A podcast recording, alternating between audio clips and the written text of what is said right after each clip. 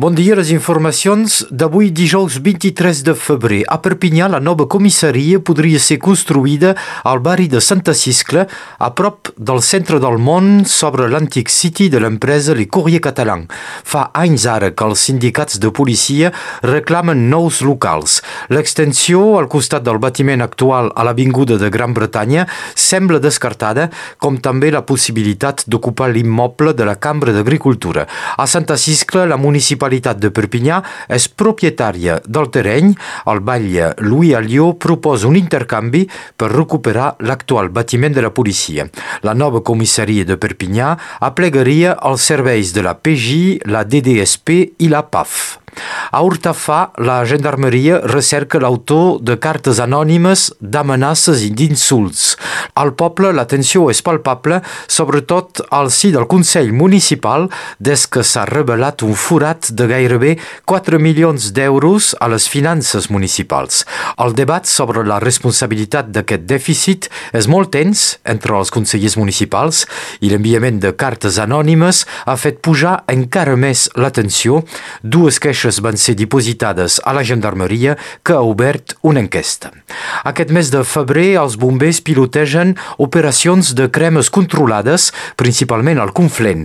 L'objectiu és d'anticipar i limitar les conseqüències dels incendis de l'estiu amb la creació de tallafocs. Aquestes cremes controlades també permeten de netejar el sotabosc i de preparar la pastura del bestiar. Un terratrèmol curt però intens ahir al matí a Andorra, amb un epicentre al poble d'Os de Cibis, molt a prop d'Andorra la Vella.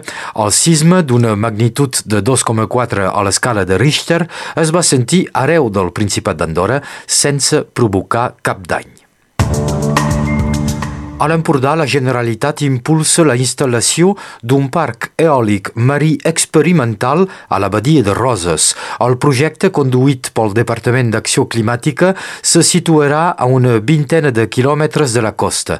Anomenat PLEMCAT serà un laboratori d'assajos flotant que servirà per estudiar el comportament de diferents sistemes tècnics d'energia eòlica, d'altres energies marines i per altres estudis mediambientals, climàtics o de biodiversitat.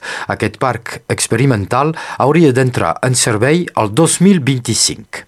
Sempre a Catalunya Sud, Unió de Pagesos demana que el govern català reforci el seu pla contra la proliferació del cingle senglars. El sindicat recorda que la densitat de l'espècie és molt elevada a moltes comarques de Catalunya i insisteix que ja ha denunciat des de fa anys el mal que els singlars fan als cultius.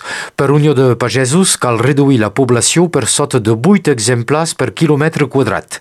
A Catalunya Sud, els singlars causen danys sobretot a les comarques de Girona. A més, el sindicat també alerta que la presència de cèrvols al Ripollès planteja un greu problema per les pastures.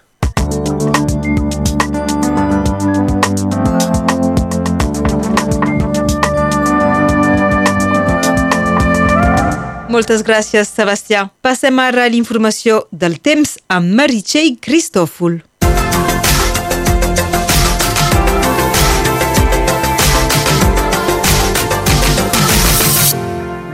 Dia. Tal com ahir, la pluja hauria de caure aquesta tarda sobre una gran part del país. Pel que fa al vent, les ràfegues màximes de tramuntana bufen a 20 km per hora. Es preveu caigudes de neu aquesta tarda del costat del Capcí les temperatures són clarament a la baixa, més en adequació amb la temporada, 11 graus a Perpinyà, a Salelles i Argelers de la Marenda, 9 a Seret, 8 a Montner, 5 graus a Prada, 4 a Sayagosa i 2 graus a Puigbalador. Aquesta tarda el sol es pondrà a les 6 hores i 30 minuts i avui celebrem Sant Florenci.